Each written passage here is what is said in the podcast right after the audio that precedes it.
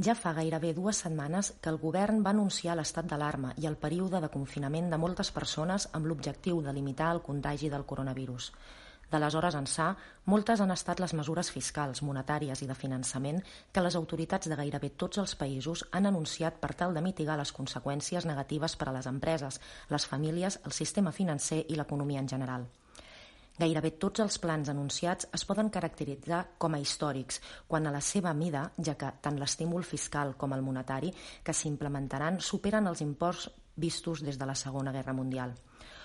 Un bon exemple d'això és l'aprovació dimecres passat per part del Senat dels Estats Units d'Amèrica d'un paquet d'estímul econòmic estimat en 2,2 bilions de dòlars, més d'un 8% del PIB. El projecte passarà ara a la Cambra de Representants, que votarà divendres al matí i després a la signatura final del president Trump.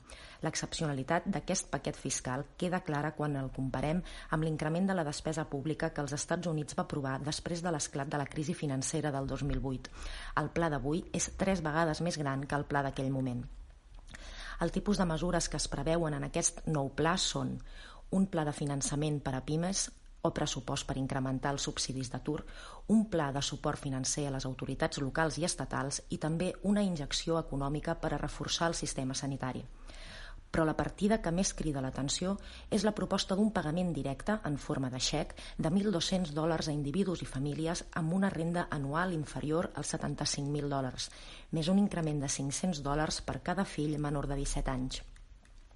Aquesta iniciativa, la d'un regal d'un xec a cada família amb l'objectiu d'impulsar la demanda, la va desenvolupar el 1969 l'economista Premi Nobel Milton Friedman. Friedman va anomenar aquesta idea diners de l'helicòpter o, o helicòpter money, ja que de forma simplificada, segons la seva opinió, una manera d'impulsar el consum en temps de crisi seria la de llançar nous bitllets de dòlars impresos pel Banc Central des d'un helicòpter sobre el país. Com funcionen aquests diners de l'helicòpter? Doncs l'estat nord-americà paga els 1.200 dòlars a les famílies, el tresor públic ho finança mitjançant emissió de deute que és comparada per la Reserva Federal.